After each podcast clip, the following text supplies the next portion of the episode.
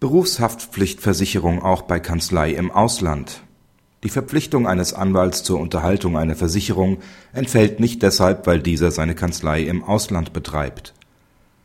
Ein Antragsteller, der beabsichtigte, seine anwaltliche Tätigkeit von seinem Wohnort in der Schweiz aus zu betreiben, erhielt die Anwaltszulassung unter Befreiung von der Kanzleipflicht Nachdem das Versicherungsunternehmen der Rechtsanwaltskammer mitgeteilt hatte, dass der Versicherungsvertrag am Tag der Aushändigung der Zulassungsurkunde beendet worden ist, widerrief diese die Zulassung. Der BGH bekräftigt erneut, dass die Pflicht eines Anwalts zur Unterhaltung einer Berufshaftpflichtversicherung nicht deshalb entfällt, weil eine Kanzlei im Ausland betrieben wird und der Anwalt von der Verpflichtung, eine Kanzlei in Deutschland zu unterhalten, befreit worden ist. Ein Anwalt ist trotz eines Kanzleisitzes im Ausland berechtigt seinen Beruf in Deutschland auszuüben.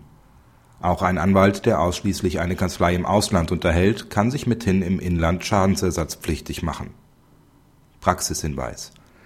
Eine im Ausland abgeschlossene Versicherung ist nicht ausreichend, da gemäß § 51 Absatz 1 Satz 2 BRAO die Berufshaftpflichtversicherung bei einem im Inland zum Geschäftsbetrieb befugten Versicherungsunternehmen zu den nach Maßgabe des Versicherungsaufsichtsgesetzes eingereichten allgemeinen Versicherungsbedingungen genommen werden muss